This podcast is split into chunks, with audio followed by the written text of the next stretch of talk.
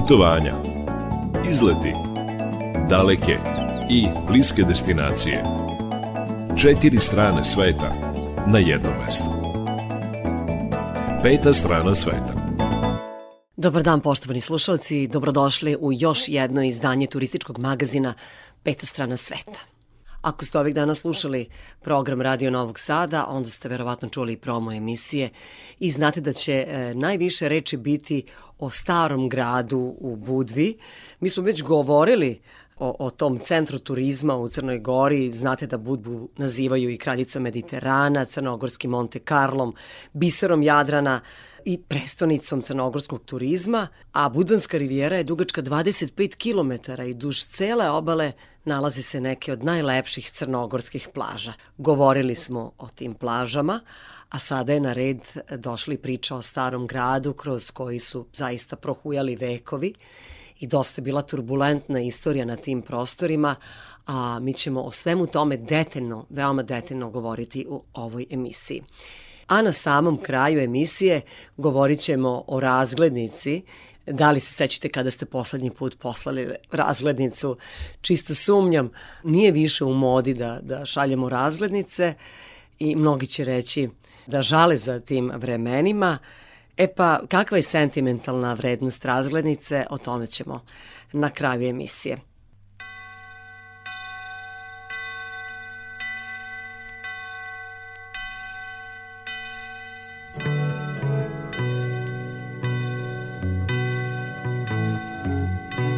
Sjećaš li se dana kada smo se sreli na starom gradu, okruženi oronulim zidovima katedrale, obasjani sjajem svijeća, povezani muzikom?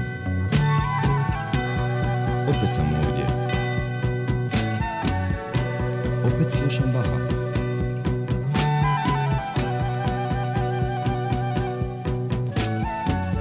Gdje si ti?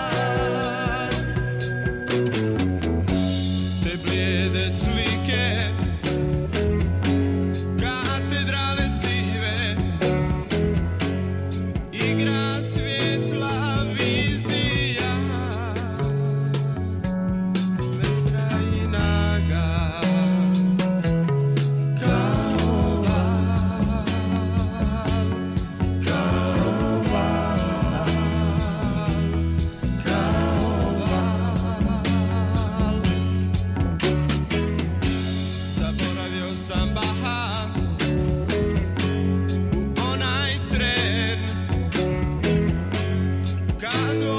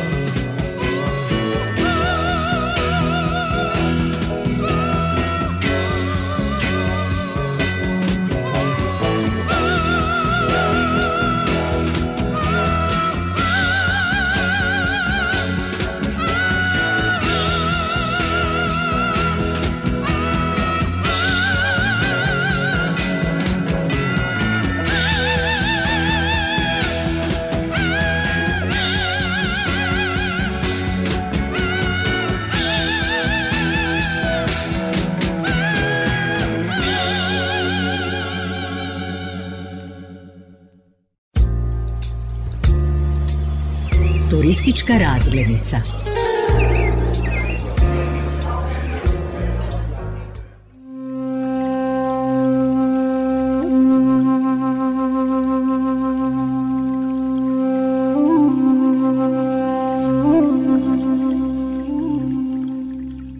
Šetamo se kroz stari grad u Budvi, koji veličanstveno izgleda ko nije bio, treba da dođe da se prošeta. Meni će turistički vodič biti neko ko je kustos Arheološkog muzeja, javne ustanove muzeja i galerije Budve, Goran Bubanja. Gorane, e, drago mi je što ste pristali da izađete iz prostorija muzeja i da mi pokažete znamenitosti, ne meni, svim slušalcima Radio Novog Sada. Drago je mene, hvala vam na pozivu. Evo, trenutno nalazimo se u ulici Petra I. Petrovića Njegoša. Za nas je to jedna od najznamenitijih ličnosti u istoriji Crne Gore.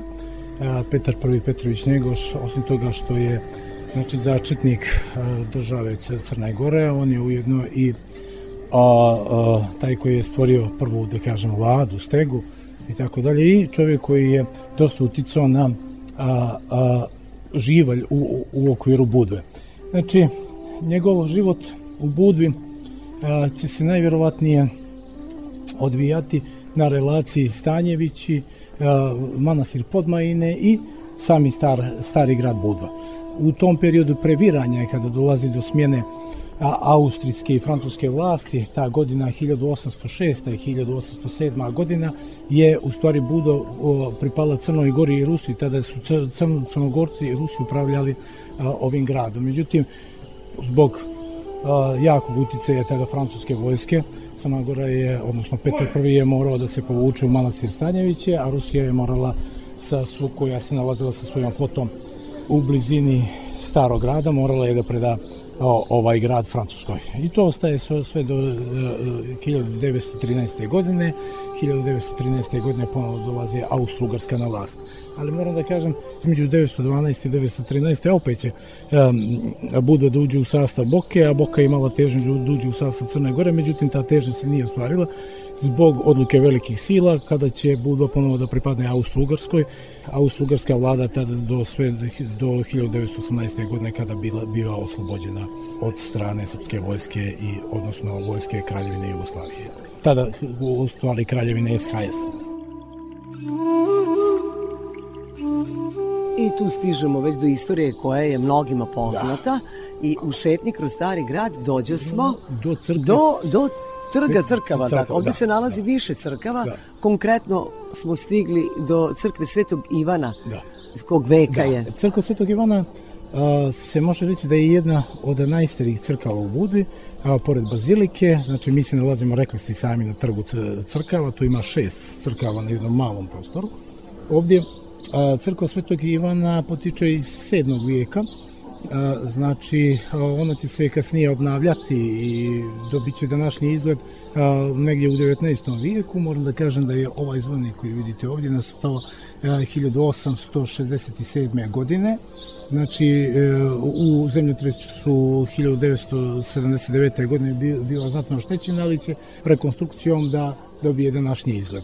Ono što moram da napomenem vezano za ovu crku je to da je ovdje postojao i biskupski dvor. Biskupija je bila sve do 1828. godine kada je odlukom pape premještena u Kotoru.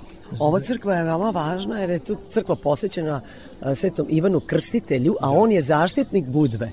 Da, a ovaj, E, Sveti Ivan, e, odnosno je on, Sveti stvari... Jovan, Sveti Jovan u prevodu. Da, Sveti da. Jovan. Inače svuda ćete naći u katoličkoj crkvi da se zove Sveti Jovan, Sveti Ivan.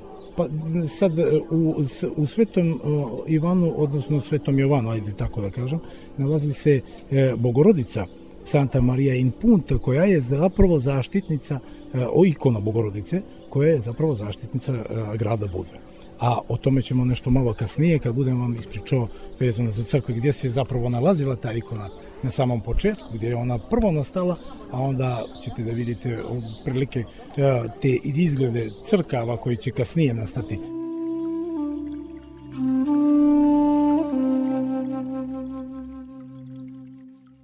Peta strana sveta.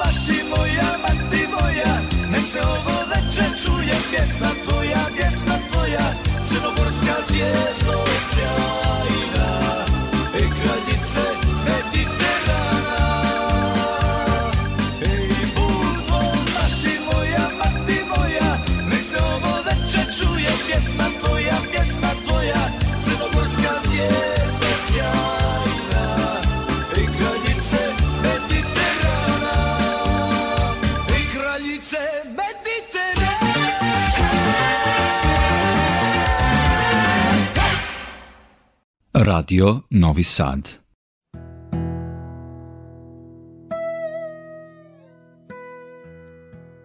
Bitno je da napomenemo da evo u Budvi uvek se mešalo stanovništvo i katoličko i pravoslavno, a, a ipak e, crkva Svetog Ivana ili Jovana, kako ko više voli da kaže, ipak nije najstarija. Koja je najstarija Na, crkva? najstarija je a, bazilika, znači ostaci bazilike, odnosno te episkopije iz petog, a, petog ili šestog vijeka, znači, evo vidite ovdje, Bazilika, da, da, da, bazilika. vidimo ovde zaista postoje samo ostaci temelji, tako reći. Temelji, tem- temelji Da, da. bazilike.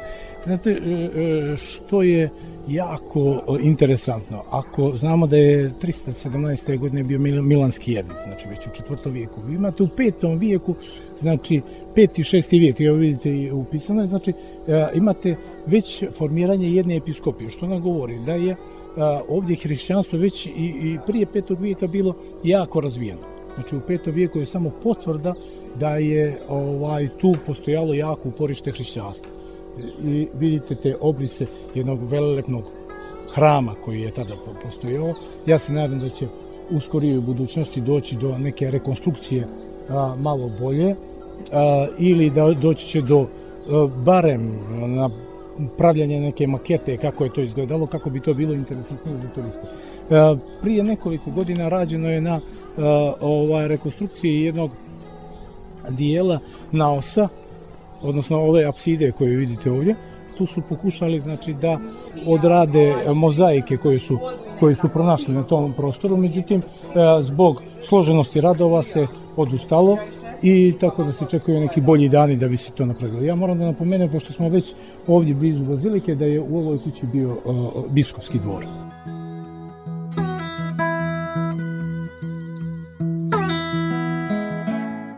zaista je sve lepo obeleženo i da. pored koje god znamenitosti da prođemo, imamo napisano da, šta je? Uh, iz kog veka, iz kog periode, a prošli smo i pored rimskih termi. Da, da, da, da. Rimske terme, zapravo to nam govori da je ovdje uticaj različitih kultura. Ajde da krenemo onaj početak kada je Buda datira, znači krećemo znači peti vijek prije nove ere, prvi put se pominje kod Sofoklea u njegovim spisima ka, i on kaže da je to manji ilitski gradić, ribarski gradić, a onda imamo kod pseudoskilata, pa zatim imamo i kod drugih pisaca, što jedan govori da je Buda mnogo starija negoli što je i sam Sofokle rekao da je iz petog vijeka. Ipak ako se u pisanim izvorima pominje u petom vijeku, znači da je ona vjerovatno starija. A, vidit ćete, u jednom dijelu imamo jedna ulazna vrata, arheolozi su utvrdili da su oni iz šestog vijeka prije nove ere i opet i to je jedna potvrda starosti Budve da je nešto starija nego, nego što se spominje u nekim spisima da je iz petog vijeka. Vlado Duletić pominje da je Budva nastala pet generacija posle Trojastog rata, odnosno nekih osmi vijek prije nove ere. Znači, ono što je zasigurno najtečnije da je Budva najstariji grad na istočnoj strani Jadranskog primorja. Ovde se nalazimo blizu termi, do duše, nažalost. Terme mi ne možemo danas, danas da vidimo, Dakle, znači, ovdje ima jedna da, turistička signalizacija da, na kojoj piše da se da, nalazimo da, pored da, rimskih termi, ali mi konkretno ne vidimo ne gde su one da, bile. Otprilike, otprilike one su gore, vidite onaj zadnji stol gdje se nalazi. Danas uh, nisu arheološki istražene, nisu privedene namjeni, odnosno turističkoj namjeni, ja se nadam da će to skurije da bude, ali eto, otprilike mi znamo tačnu lokaciju gdje su se one nalazile, Danas se tu nalazi, kao što vidite, kafić. Na... Nastavit ćemo razgovor sa kustosom Arheološkog muzeja, javne ustanove Muzeji i galerije Budve, Goranom Bubanjem. Ostanite uz nas da saznate kakva je turistička ponuda Budve, turistički najrazvijenijeg grada u Crnoj Gori. Peta strana sveta.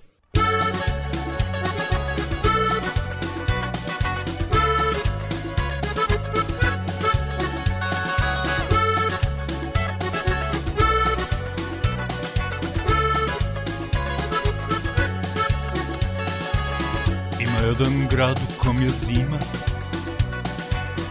Ima jedan grad u kom si ti. Al ko ti baš ne prije klima Ti se seti leta ljubavi I pusti grad. Pusti sve.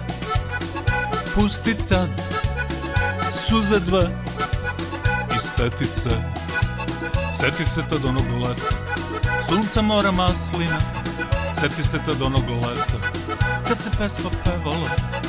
Mediteran, Mediteran Svi mornarima je drug. Mediteran, Mediteran Miriše na jug. Mediteran, Mediteran Svi mornarima je drug.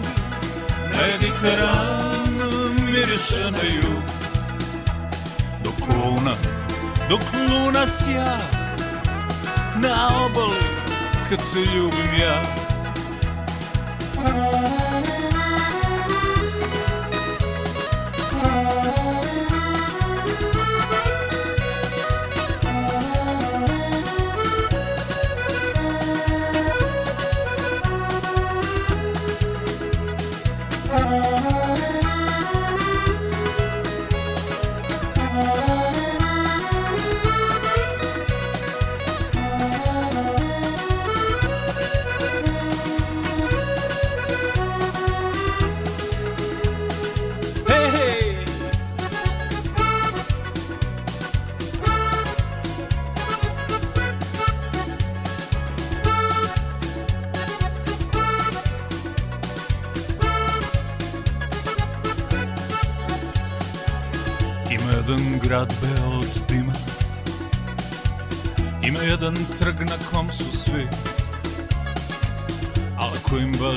prija klima.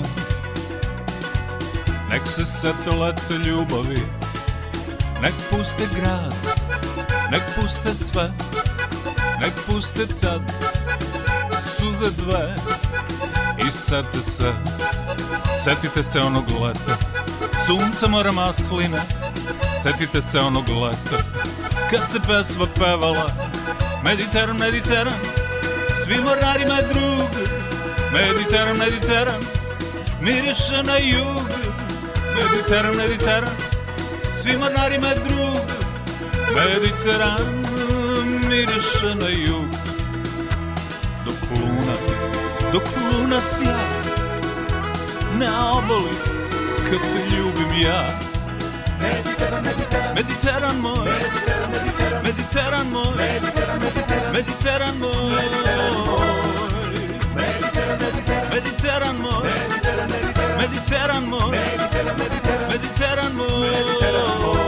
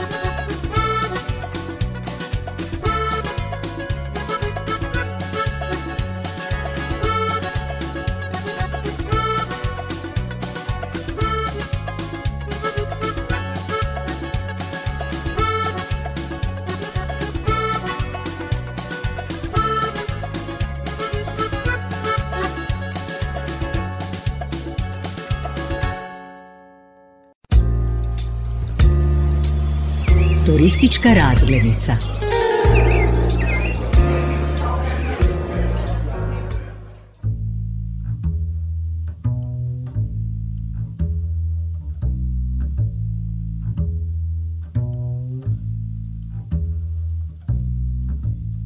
Nastavljam razgovor sa kustosom Arheološkog muzeja, to je Goran Bubanja. Mi smo i dalje na trgu crkava, šest e, crkava se nalazi na jednom malom prostoru ovde u starom gradu u Budvi. A sad smo ispred pravoslavne crkve, crkve Svete Trojice. Da. Crkva Svete Trojice sagrađena je 1804. godine. a Njena gradnja je počela negdje 1796. godine, 97. godine. E, Jedan od začetnika gradnje ovog hrama bio je Petar I. Petrović Njegoš. Za vrlo kratko vrijeme se završila, po čemu se mi ponosimo u ovoj našoj crkvi je ikonostas koji je radio Aspiotis, jedan tada najpoznatiji možda ikonopisac i jedan od a, najboljih da kaže, graditelja ikonostasa, što se i vidi u, iz priloženog. Prije nekih deseta godina je i crkva fresko pisana, tako da imamo sad potpunu jednu sliku jednog pravoslavnog hrama za vrijeme zemljotresa 1979. godine na znatno bila oštećena i na naosu vidjet ćete ima jedna, jedna ovaj linija koja je ostavljena da nam govori kako je bilo stanje za vrijeme tog zemljotresa i posle zemljotresa ona je obnovljena i ima jedno, nalazi se sad u jednom solidnom stanju. Radi vernici dolaze. Da, redovno, redovno vjernici dolaze, ovo je parohijska crkva, paroh je otac Boris Radović, da kažem, s čime se mi posebno ponosimo da je, da je sve veći broj vjernika, naročito nedeljom kad su, kad su službe, tako da smo ponosni na ovu našu crkvu.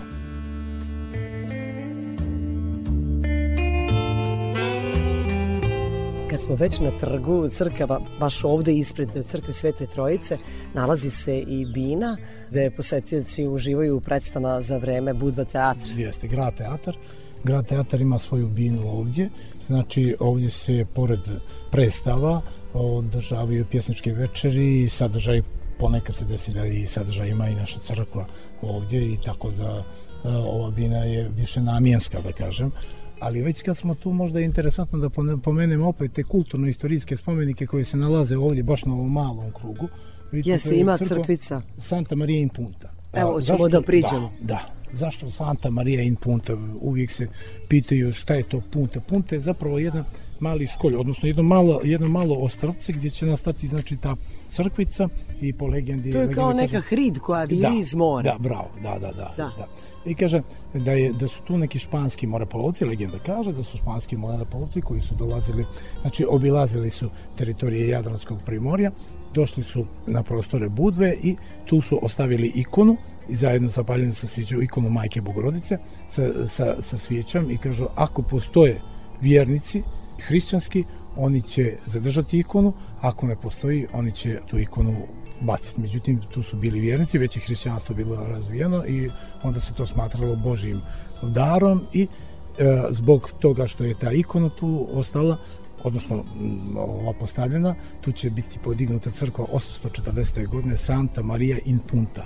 A ja sam čula jednu priču, takođe vezana za, duše, jednog španskog moreplovca koji je... A, to je na Mogrenu koji se spasao, to je na druga, dakle druga Da, da, to je, to je, to je, da, da, to je, On se spasao na jednoj hridi i tu je sagradio Da, crkvu. da, tu će, tu će da se sagradi crkvu. Crkva je posvećena Antonu Padovskom. Znači, kaže, legenda kaže da je jedan moreplovac kada se, e, znači, usled uzburkanog mora došlo je do brodoloma i on se uspio je da se spase i dođe na plažu jedan, e, tako ju mi nazivamo. Mogren Mogrena. 1 i Mogren 2 Da. ima.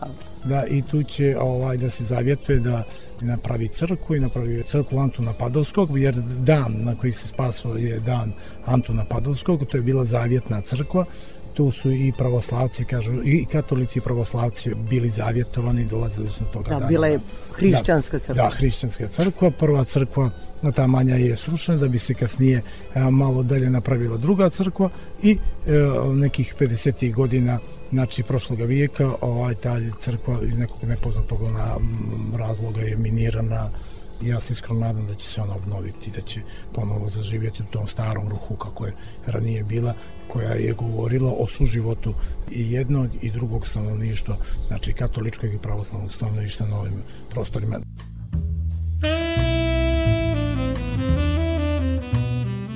Naročito nam to govori ova crkvica Svetog Save.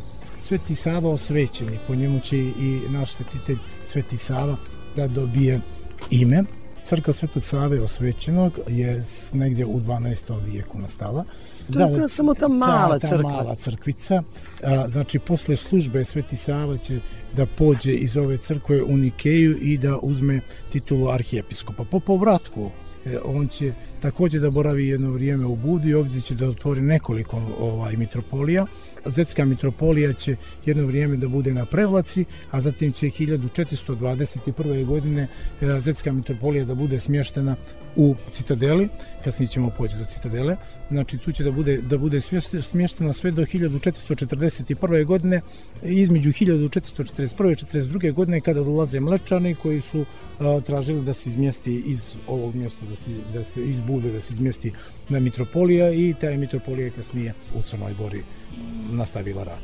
Radi li ta crkvica Svetog Save? Može li se ući? Ne, a, ne, ta je crkva pod nekim pravnim sporom. Turisti ne mogu da ne mogu, ne mogu turisti da posjete, čak se i ne vrši služba u toj crkvi, nažalost, iako tu postoje ostaci fresaka koji su jako ja- vidljivi, onda ste možete i sami zaključiti ovaj da se radi o jednoj crkvi koja je rađena u grčkom stilu, znači da i samim tim da je Sveti Sava pošao iz ove crkve, znači vjerovatno je pripadala pravoslavnoj crkvi, međutim taj pravni spor je i dalje aktuelan i dalje traje. Ono što je karakteristično za ovu crkvu da su, da su se u nju do dolaska Austrijanaca vršili dvojaka obredi i katolici i pravoslavci su vršili obred u ovoj crkvi. Kad su Austrijanci došli 1787. godine i kasnije oni su zabranili rad te crkve i u taj, ta crkva će da im služi kasnije za smještaj oružja, odnosno municije. Kao barutana. Da, da, da, da. Da, da, tako je, to, to se desilo i sa crkvom Santa Marija in Punta. Nismo televizija nego radio, da vizualno objasnimo. Te dve crkve se naslanjaju jedna na drugu. Da, i što je karakteristično za njih? Vidite, oni prate položaj bedema. Znači, vidite da se oni kreću Da, u da. položaju bedema. Vi sad ne možete, vi znate, na os je recimo kod e, pravoslavaca je okrenut, odnosno apsida je ka istoku, a kod katolika je ka zapadu. A ovdje vidite kako je ona okrenuta, znači potpuno pravi pravi ovaj jedan neobičan položaj, tako da i jedna i druga crkva prate znači položaj bede.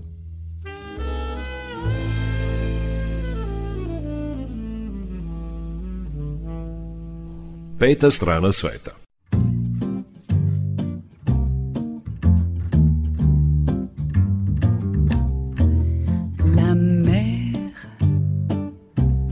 Qu'on voit danser le long des golfes clairs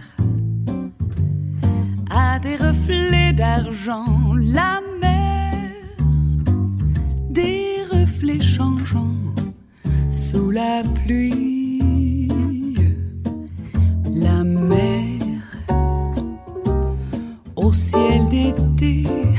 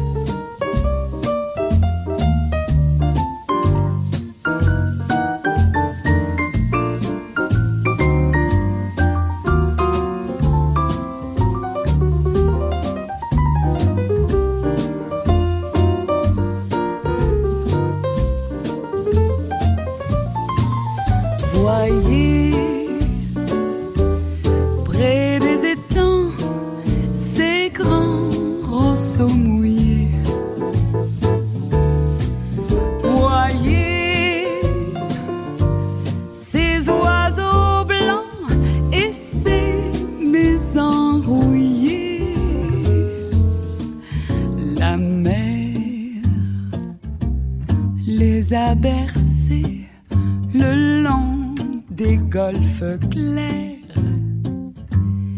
et d'une chanson d'amour la mer a bercé mon cœur pour la vie.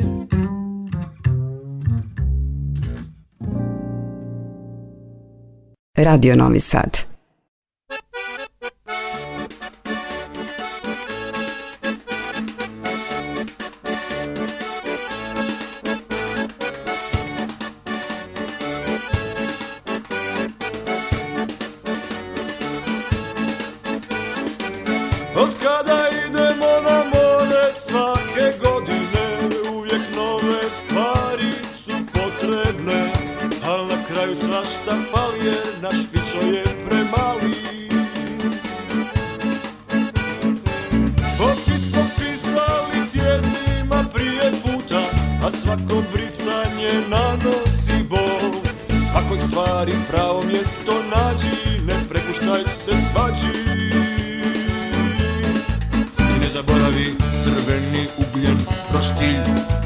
Štula, suncobran, peraje, maske, naočale za sunce, karte, tenisice, termosicu, Tarzana, Karl Maja, šlau, badminton, japanke, loptu,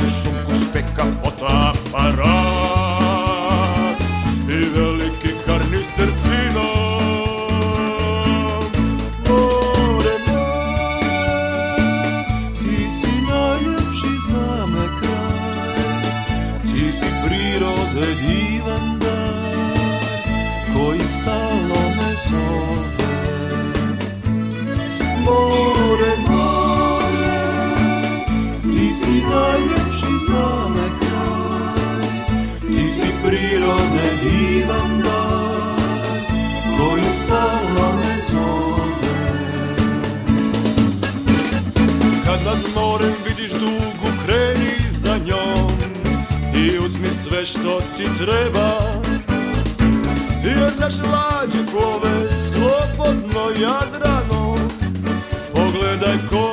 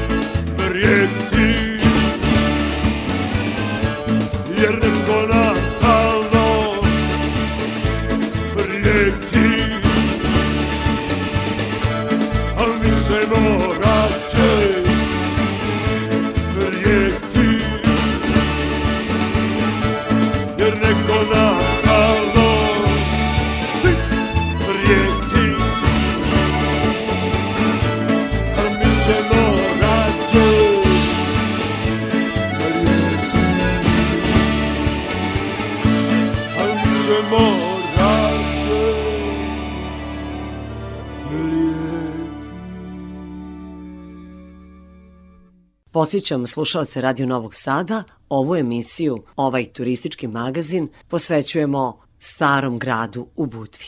Peta strana sveta.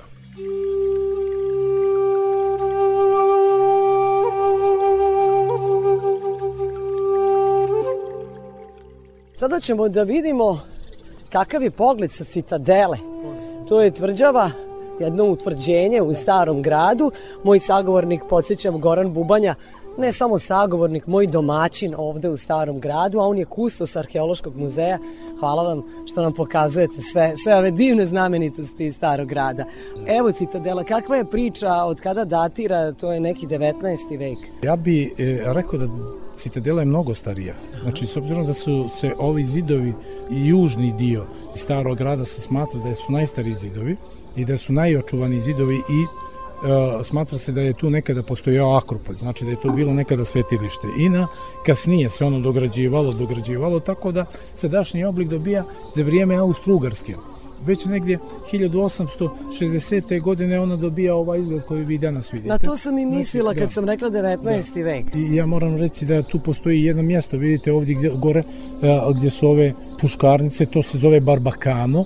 Znači na tom mjestu Barbakano nekada je to služilo za sklanjanje vojnika ili sklanjanje stanovništva ako bi e, nastupila neka invazija na Budu od To je karakteristično za austro-ugarski način gradnje u to da, vreme. Da, da, da, da, da. Tu su bili nekad i veliki topovi, ali će oni 1862. godine da budu izmješteni iz Budve u Visu. Budvani nikad nisu prežalili te topove. Bilo ih je tri. Ovdje su bili smješteni, znači glavni garnizon je smješten bio u Budvi, austrougarski. A znači tu je bio kapetan koji je vodio vojsku. Pored ovog utvrđenja, ovdje vojnog utvrđenja, postojalo je Mogren utvrđenje, koje se ne, nalazi nedaleko odavde. Znači i postoji još jedno utvrđenje koje je okrenuto prema Crnoj Gori, a nalazi se blizu, evo možete odavde da, da vidite gore, znači ono se naziva Kosmač. Dakle, to, to je više to... Brajića, jedno mjesto Brajića, Brajica se zove, znači više Brajića se nalazi mjesto Kosmač, to je to utvrđenje koje je bilo jako značajno za Austrijance, jer su Austrijanci uvijek strepili od napada Crnogoraca. I 918. godine kada je dolazi do oslobođenja i jedna i druga tvrđava su potpuno srušene znači i da ne bi posjećali na tog osvajača Austrugare koji su vladali Budom 100 godina.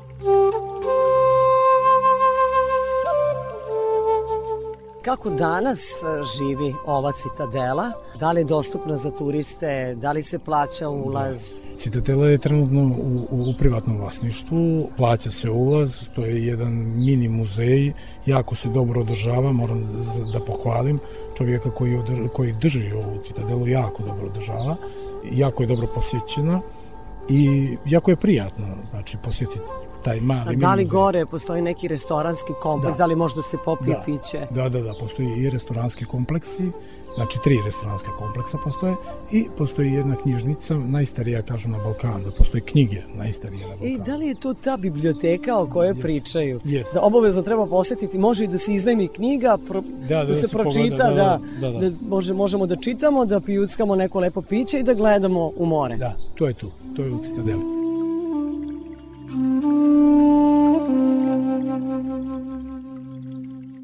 Peta strana sveta.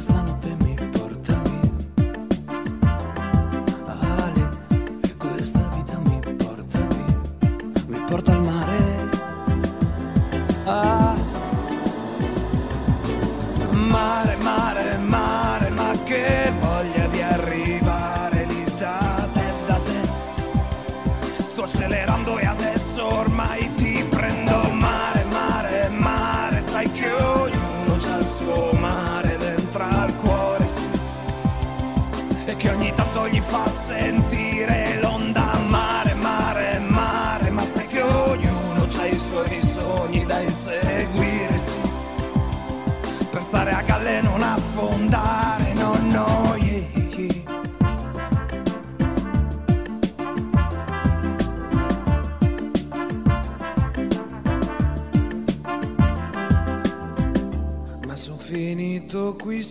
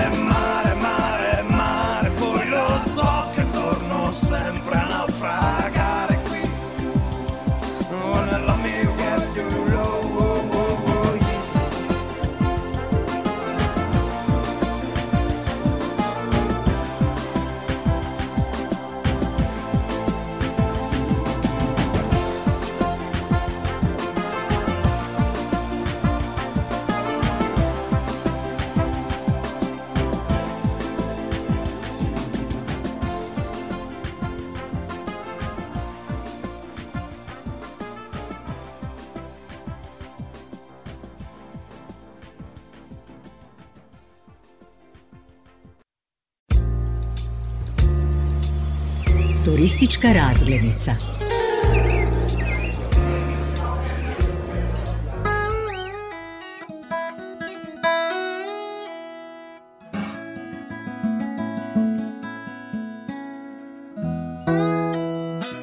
Gorane, rekli smo da je pogled predivan sa citadele.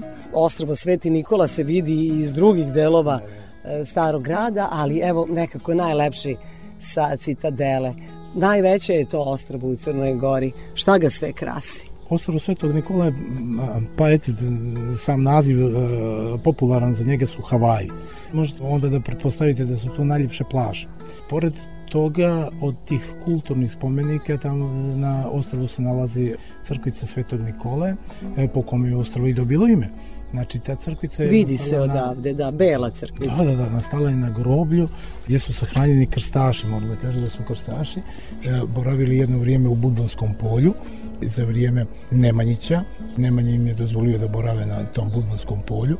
Njih će da, da, da ih zahvati kuga, pošto je u to vrijeme bila neizlečiva, mada i dan danas bi to bila neizlečiva bolest, da ne bi zarazili ostale ovaj vojnike, odnosno ostale i stanovništvo koje je se nalazilo u starom gradu i na ostrovu Spas, oni bi ih sahranjivali na ostrovu Svetog Nikola što dalje, znači od obično da, da se, se ne bi napravi širila, distanca, a, da. da se ne bi širila bolest i tako da je najveći dio e, ovaj krstaša sahranjen baš na tom ostrovu gdje će se kasnije podignuti crkva Svetog Nikolaja koju Sveti Nikolaj je zaštitnik pomoraca to ima i neke da kažemo simbolike zašto je crkva Svet, zašto ima naziv crkva Svetog Nikolaja sa druge strane ona je podignuta negdje u 16. vijeku drugo moram da kažem da e, nisu samo krstaši sahranjivani tamo nego svi ljudi iz Budve koji bi se razboljeli i umrle od neke nepoznate bolesti, da ne bi širili tu bolest u okviru starog grada, oni bi se sahranjivali na tom ostrovu. I moram da kažem da, iako je kuga bila opkolila stari grad i brdo spas, e, ona nije zahvatila grad Budu i smatra se da su se litije održavale e, skoro svakodnevno i da se ispred litija nosila ikona Santa Marije in Punta, odnosno zaštitnice, bogorodice zaštitnice Budve i ovaj smatra se da je ona po legendi da je ona zaštitila grad, grad Budu.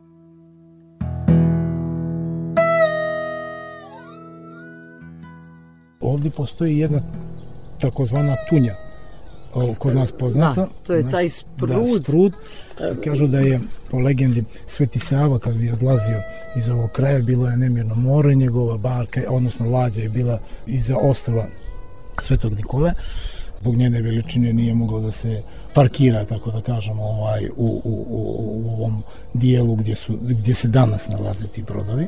Mada da kažem da je, da je ovaj prostor izminjen posle zemljotresa 1667. godine kažu da je Sveti Sava po legendi bacio tri kamenčića i da se jednostavno more otvorilo i da se napravio taj put gdje on pošao znači pješke zajedno sa svojim monasima do svog broda i zajedno sa njima je pošao u svetu zemlju. Da, da još lepše opišemo slušalcima dakle u nekom delu godine baš onako kad je oseka ili kad opade malo voda može peške da se dođe pa, da, od, do, do, do ostrava Svetog Nikola od polovine puta. recimo od polovine negdje od polovine plaže može da se dođe pješke da. do ostrava znači mi sad idemo bedemima ovaj bedemi e, u današnjem obliku su nastale posle zemljotresa 1979. godine.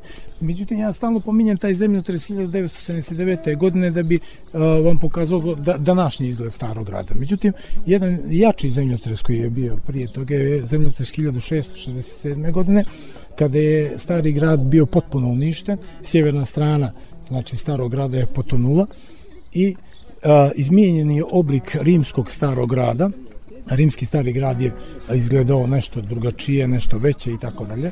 Međutim, Mlečani su za vrlo kratko vrijeme obnovili e, grad iz prostog razloga da bi imali zaštitu prema e, sjeveru, jer su stalno imali napade od plemena, znači tih sjevernih plemena Majina, Pobora, Brajića i tako dalje i znači teritorije Crne Gore su često napadali, znači ljudi sa teritorije Crne Gore su često napadali, napadali te mletičke gradove. Peta strana sveta.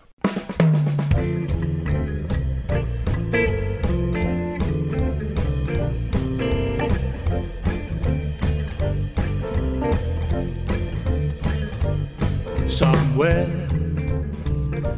beyond the sea, she's there watching for me. My lover stands on golden sands and watches the ships that go sailing somewhere beyond the sea. She's there watching for me.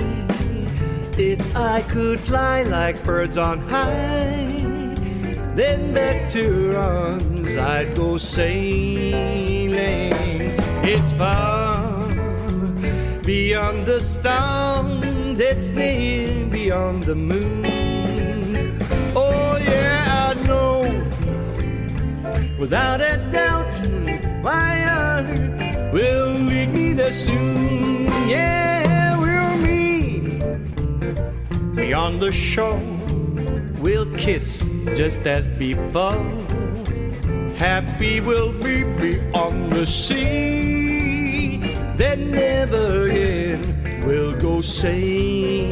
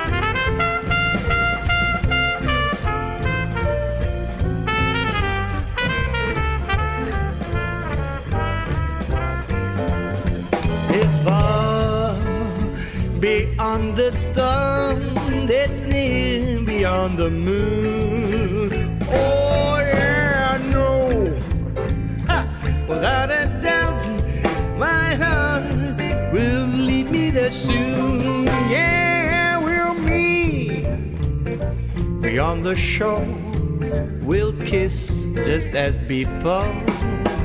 Happy we'll be beyond the sea. Then never again we'll go sailing.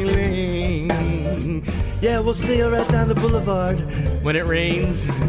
Sail on, sail on, sail on. Sail on, sail on, sail on. Sail on, sail on, sail on with me. Sail on, sail on, sail on. Sail on, sail on, sail on. Sail on, sail on, with me. Come on.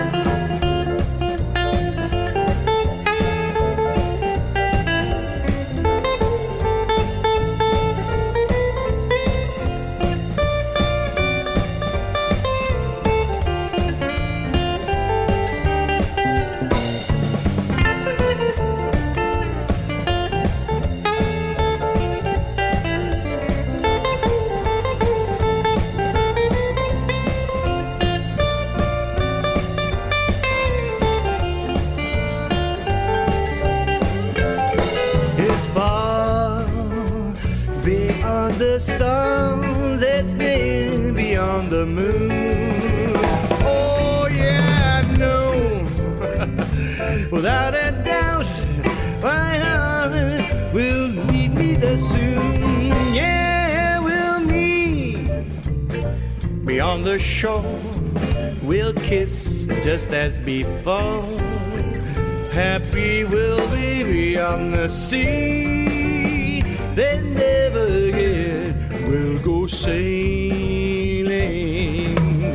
Yeah, we'll sail right down PCH in my tugboat.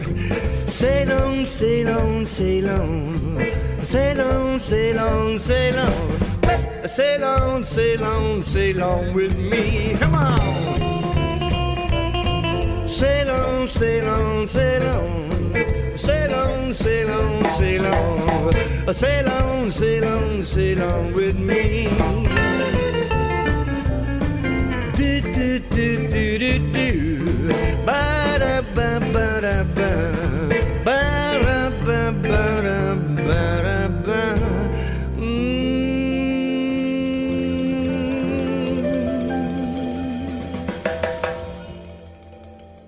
Radio Novi Sad.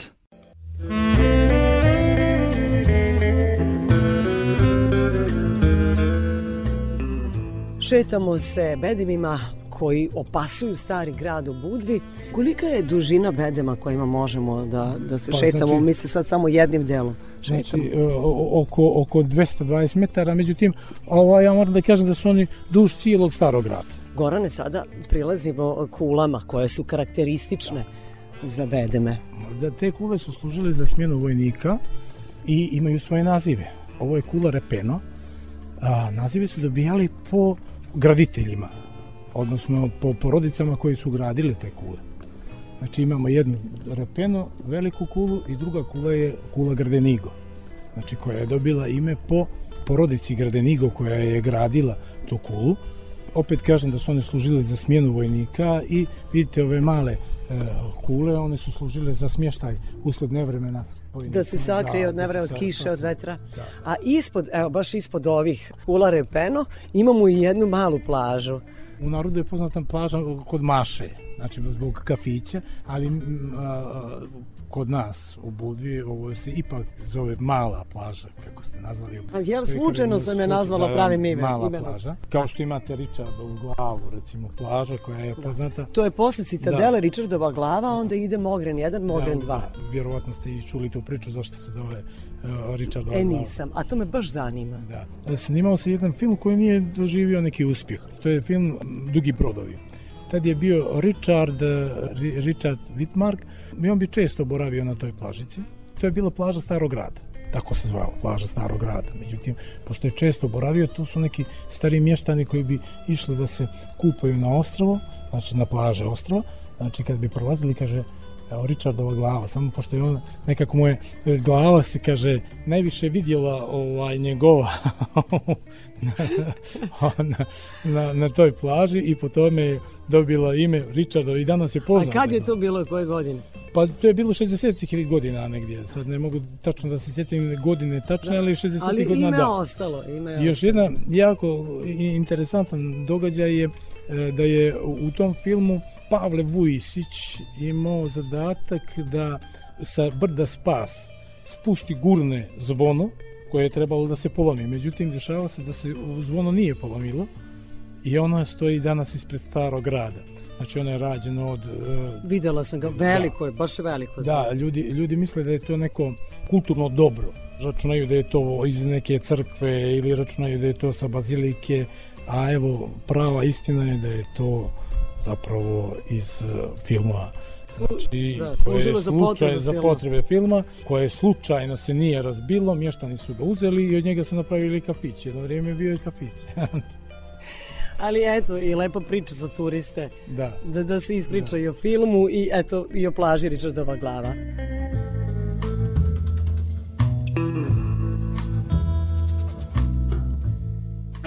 Ovo su puškarnice. Da, da. I dalje smo na bedemima tvrđave, starog grada. Starog grada, da.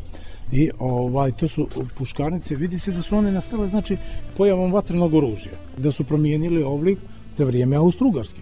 Vidite da su oni bili jako česte, baš prema sjeveru, jer su uvijek očekivali taj napad sa sjevera, odnosno napad od strane Crne Gore.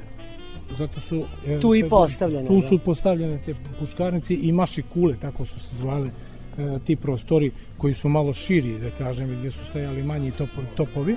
Straža se redovno smenjivala na prostoru, naročito na prema sjeveru, jer su najopasniji bili udarci, da kažem, za stari grad, odnosno sa sjevera. Često su dolazili do pobuna i ovdašnjeg naroda, naroda koji je živio u okolini Budve, jer su česti nameti, kao što su vojni, koji su bili najteži za ovdašnje stanovništvo.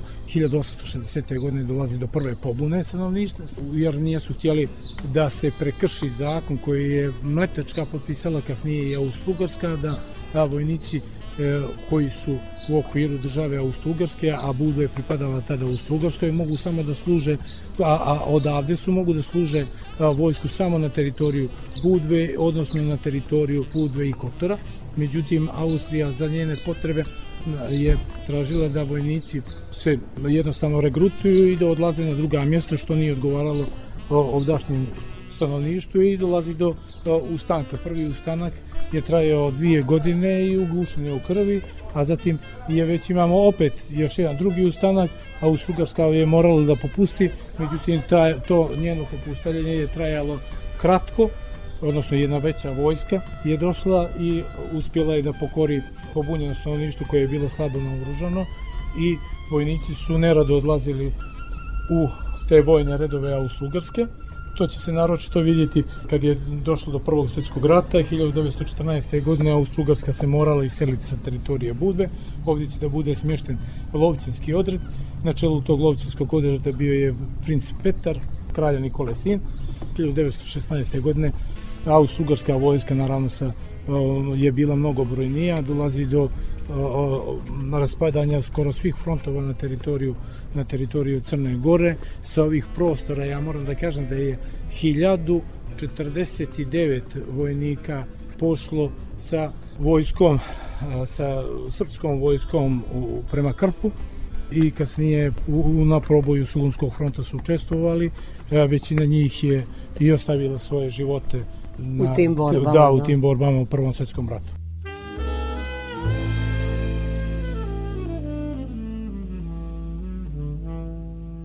Peta strana sveta.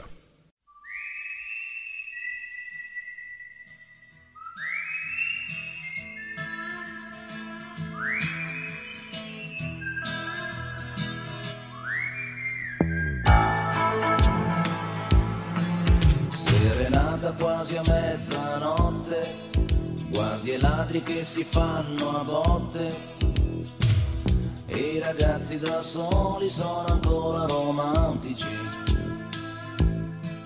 Serenata per i separati e i bambini soli un po' sperduti che si addormentano tardi con mamma tv. Serenata per i governanti se cantassero andremmo più avanti. Per i pensionati un anno e un soldo in più. Serenata per i gatti neri, per i vecchi artisti e camerieri, per chi vende l'amore lungo la via. Affacciati alla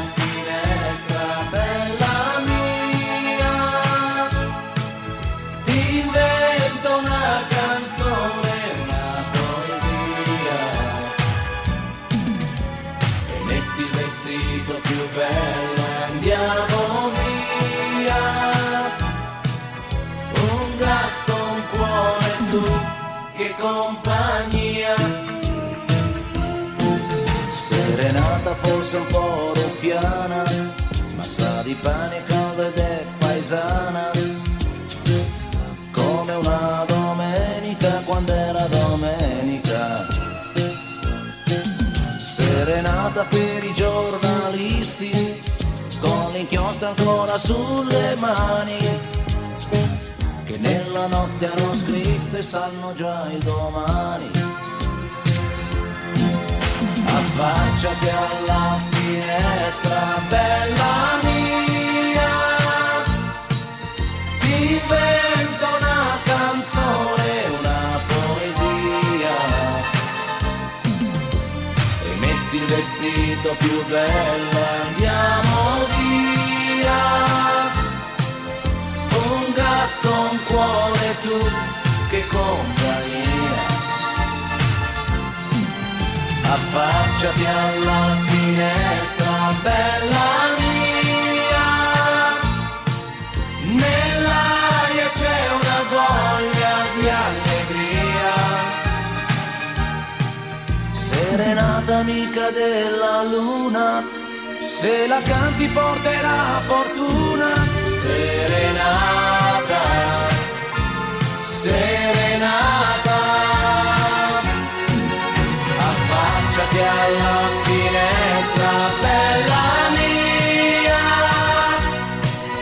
Nell'aria c'è una voglia di allegria. Serenata amica della luna, Se la canti porterà fortuna,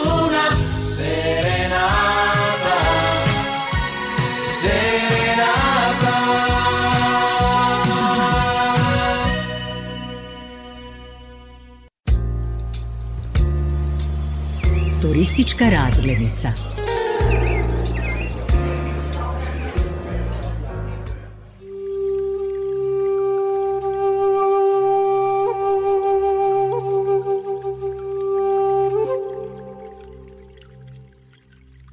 Kakvih sve legendi ima vezanih za Budvu iz starih vremena i iz novijih vremena? Da, postoje više legendi.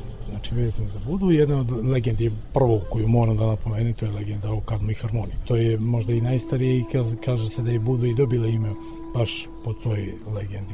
Kadmo i Harmonija kažu da je Kadmo jedan od osnivača grada Beotija, kaže njegovu sestru je u Europu, oteo je Zevs i on i njegov brat su poslati od strane svog oca a, ovaj, da traže sestru i otac je naredio da se ne vraćaju dok ne nađu sestru.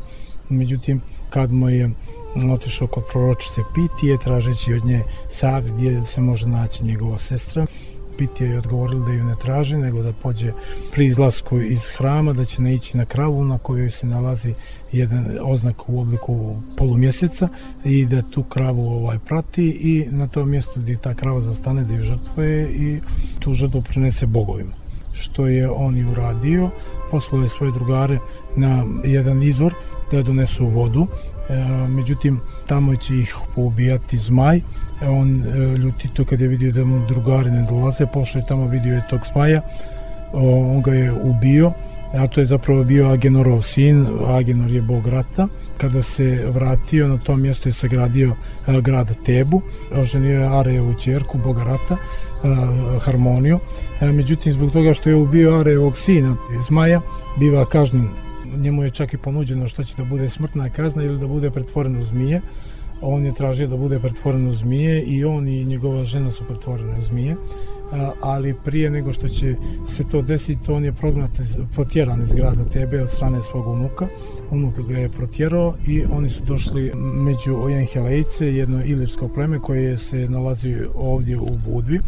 Ovaj, tu će se graditi grad Budvu, a Budva dobija ime po volovima, to su zaprežna kola koja su vukla kadma i harmoniju i na kojima su oni došli, a kod Enhelejaca je vladala jedna legenda da, odnosno jedan mit kaže da će doći jedan kralj koji će objediniti sve Iliri, ti Iliri će uspjeti da stvore jednu zajedničku državu, što će se i desiti za vrijeme Kadma. On je doživio duboku starost. Budva će dobiti ime baš po tim volovima koji su vukli ta zaprežna kola na kojima su se nalazili Kadma i Harmonija, jer na starogrčkom Butvoje znači vo kada su došli na ovim prostorima, znači opet kaže lijepo su dočekane od strane ilirijskih promjena, objedinili su i stvorili su jednu veliku državu i na kraju svog života znači bivaju kažnjeni, pretvoreni su te zmije koje su crne zmije sa crvenim tačkicama koje se i dan danas kažu viđaju na teritoriji plaže Mokre.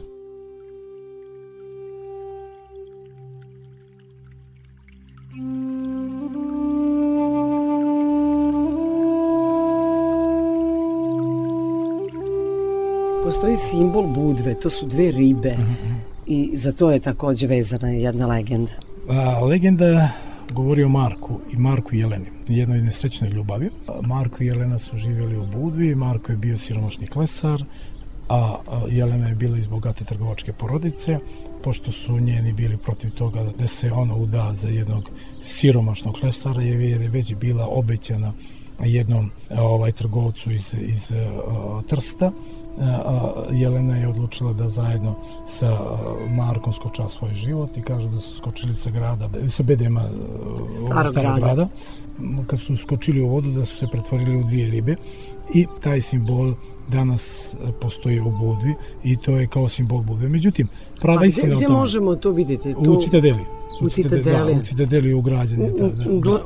Uklisano u stenu. U, da, ali prava istina Znači, vezano za te dvije ribice nastaje negdje krajem 70. godina, kad su neki od turističkih radnika su se dosjetili da bi to moglo na neki način da bude zaštitni znak tada novo formirane e, radio televizije Budo. oni su se sjetili tako što su vidjeli tu oznaku na konzervi od ribe i jednostavno tako ta oznaka je postojala i od ranije, tako da je to, to prava istina nastanka dvije ribice.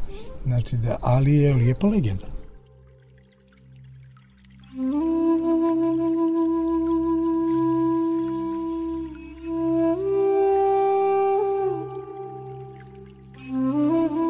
Postoji legenda o pećini, odnosno Vilinoj pećini. Po legendi ovaj Vila je a, pokušala da, da otme dijete jednoj ženi koja je čobanici, koja je držala to dijete u naručju i onako kako je bila prestrašena od Vile, ona je to dijete prigrabila sebi, međutim dijete je ispalo i glava mu je pala na kamen i dijete je ostalo tu mrtvo i tu se danas vidi kao neki crveni trag i Kaže se da je to mjesto tu ukleto i da ta porodica iz koje je poticala ta žena i od, iz koje odakle je bilo to dijete je ukleta od strane vile i da je ona nestala iz buda jedno od zastrašujućih da. legendi. Imate vi različitih da, pa evo, jedno, legendi. Da, da, da, pa moramo da se da smo u skladu sa, sa ostalim ovaj eh, gradovima eh, Primorja. Turistički vodič koji nam je pokazao stari grad u Budvi bio je istoričar Goran Bubanja, koji je kustos tamošnjeg arheološkog muzeja.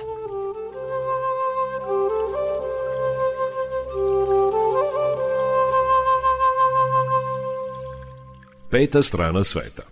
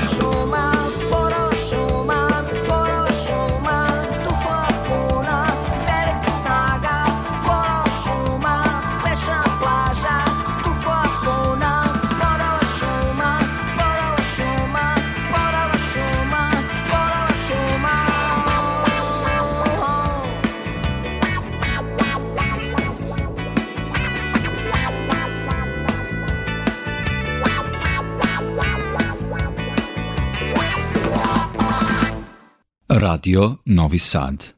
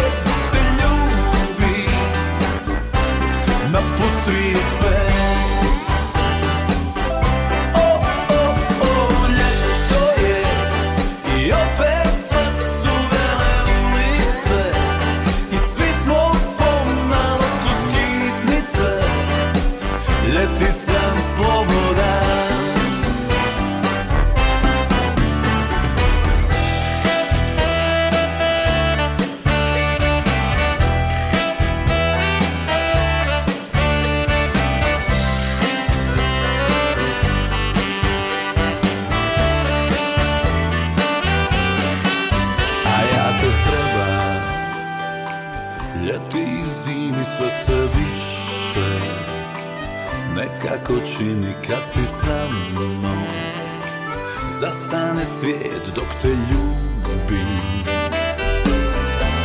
A ja te trebam.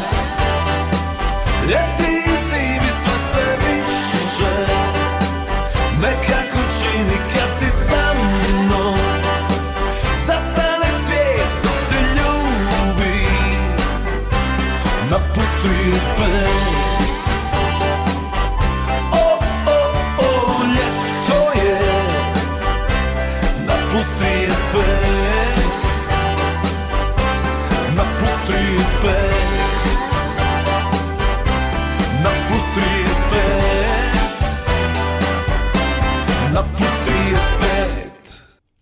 Ako ste sada na letovanju ili pak planirate da odete na letovanje, da li planirate i da pošaljete razglednicu nekome koga volite?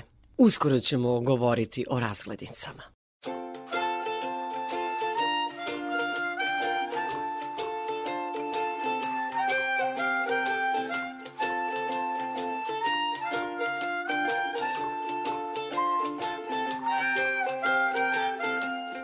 Ulicama grada.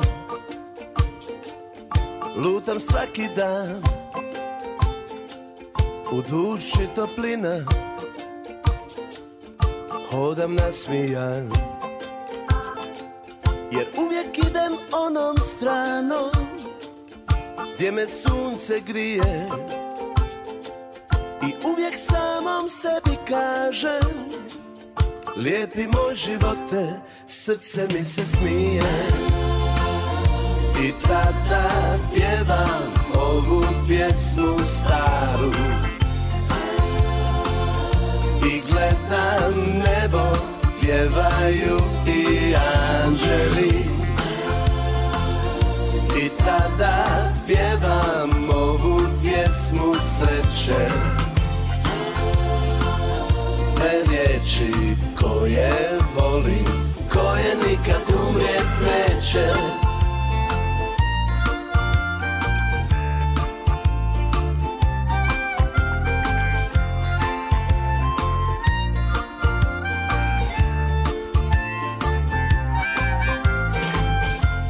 Sretnem drage ljude, sretnem drage ljude, prijatelje svoje,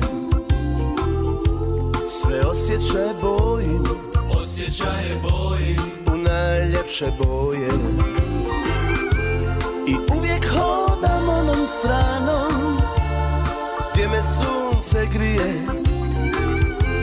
I uvijek samom sebi kažem Hvala ti živote Srce mi se smije. I tada pjevam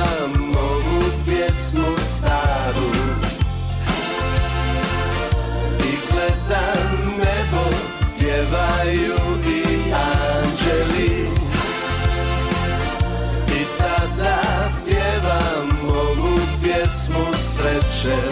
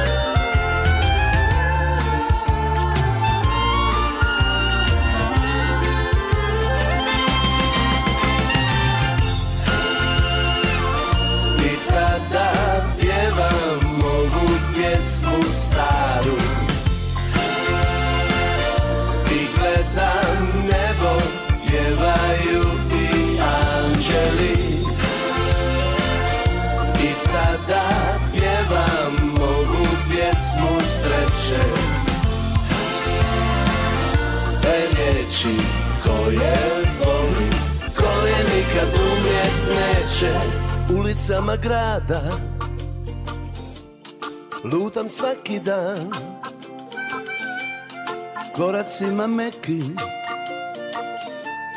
Lakim kao san I uvijek idem onom stranom Gdje me sunce grije. I uvijek samom sebi kažem Lijepi moj živote, srce mi se smije. U nekim prošlim vremenima kada odemo na letovanje ili na zimovanje, obavezno smo slali razglednice i javljali se najmilijima gde smo i kako nam je na nekoj turističkoj destinaciji. Da li danas šaljemo razglednice i kakva je sentimentalna vrednost razglednice? O tome nam donosi priču Željana Ostojić.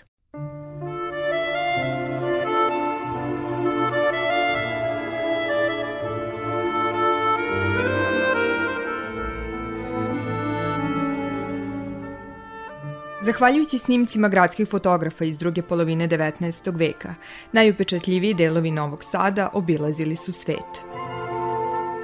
Najčešće prikazani motivi su Petrova Radinska tvrđava, iako je tada bila vojni objekat zabranjen za fotografisanje, glavni trg u centru grada, trg Franca Jozefa i Vladičanski dvor sa delom današnje Zmajovine ulice. Razglednice su svedok jedne epohe, a kako objašnjava istoričarka i nekadašnja direktorka Muzeja Vojvodine Agne Šozer, ako pomno i studiozno posmatramo razglednicu, možemo pročitati razvoj jednog društva.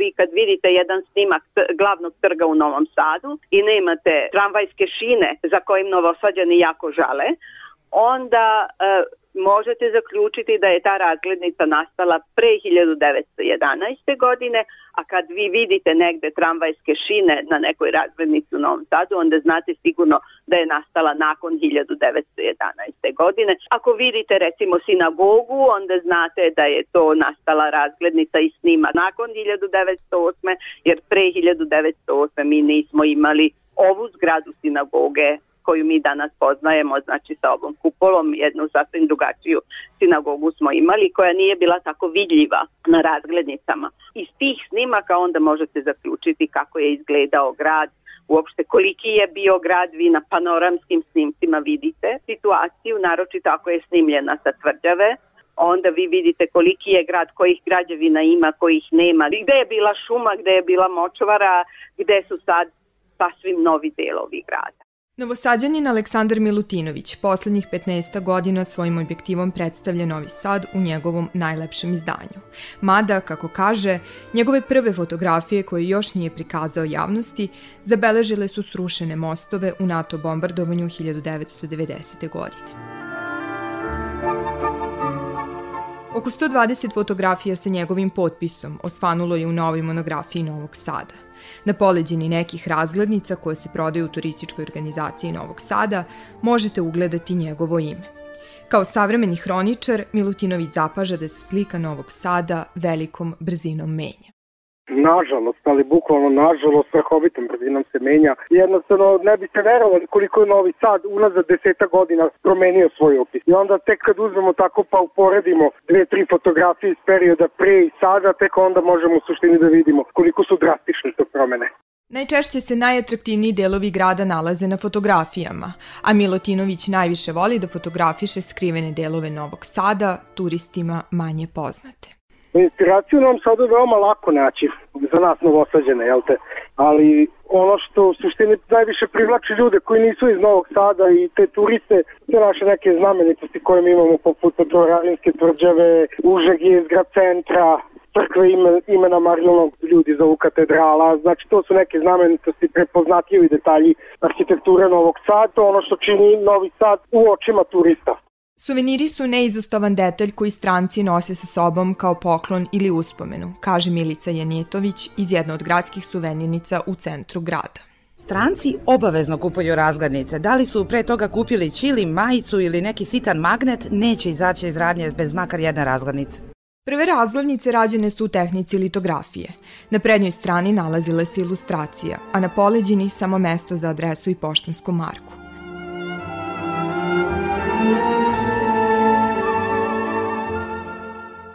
Za razliku od današnjih razglednica, poruke su se ispisivale na prednjoj strani pored ili preko ilustracije. Od 1905. godine poleđina razglednica podeljena je jednom vertikalnom linijom na dva jednaka dela. Od tada, desno od linije, ispisuje se adresa primaoca i lepi poštanska marka, a levo od nje je sadržaj poruke. Pitali smo naše sugrađane kada su poslednji put poslali razglednicu ili je ugledali u svom poštanskom sandučetu. Nekad su se slale razglednice, sada se više ne šalju. Slali smo kad smo išli na godišnje odmore, da se pohvalimo gde smo, da vide ljudi lepotu koju uživamo. I radovali smo se kad dobijemo od drugih. Toga više nema. Ne šaljem naravno razglednice zbog ovog digitalnog doba u koje smo ušli. Poslednji put sam poslao na ekskurziji u sedmom razredu, možda eto, pre 15 godina.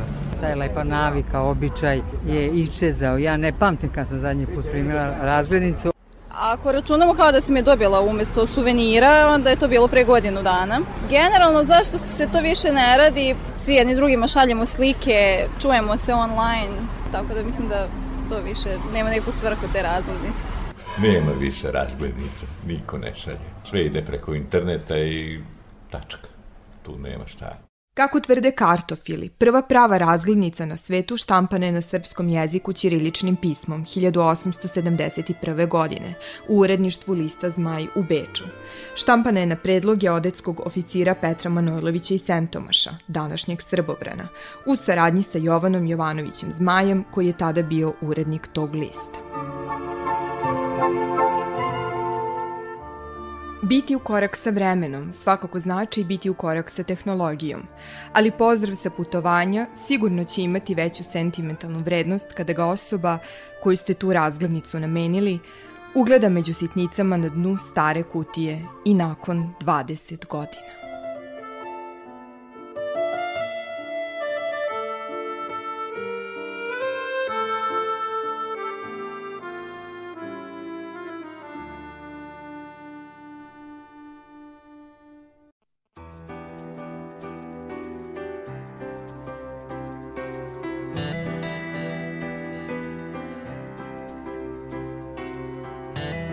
Dosadno je vrijeme ovo.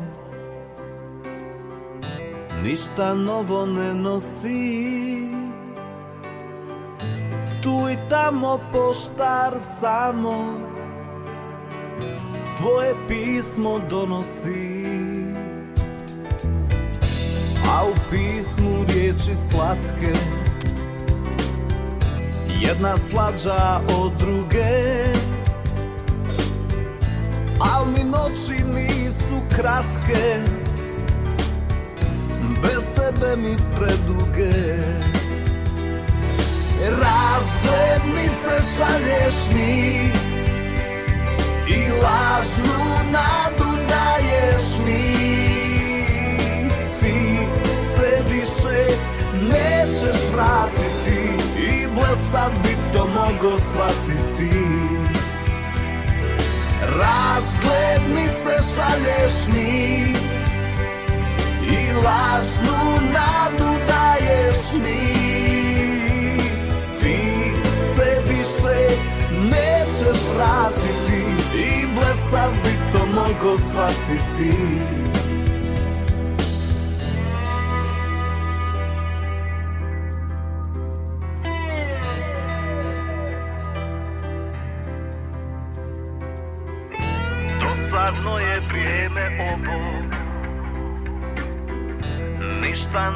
ne nosi Tu i tamo poštar samo Tvoje pismo donosi. Da se nadam što mi vrijedi I nada zadnja umire. Slika ti polako blijedi Već su prošle godine. Razglednice šalješ mi I lažnu nadu daješ mi. Ti se više nećeš vratiti I blesav bi to mogo shvatiti. Razglednice šalješ mi lažnu nadu daješ mi. Ti se više nećeš vratiti I blesav bi to mogo shvatiti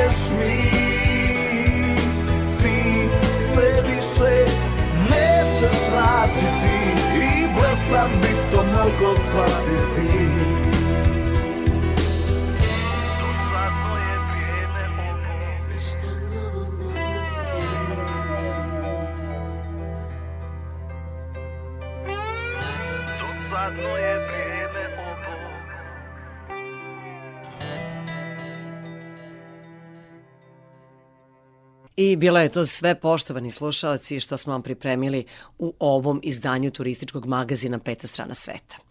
Podsjećam vas da su 18 časova naše najnovije vesti, a potom i naša najstarija i najslušanija muzička emisija Randevu sa muzikom.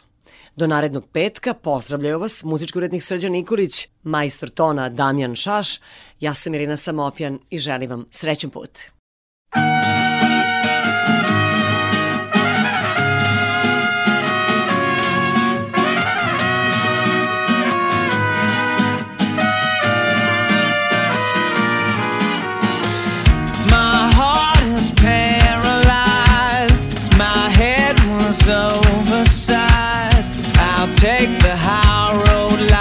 You said it's meant to be. That it's not you, it's me. You're living now for my own good. That's cool, but if my friends ask where you are, I'm gonna say She went down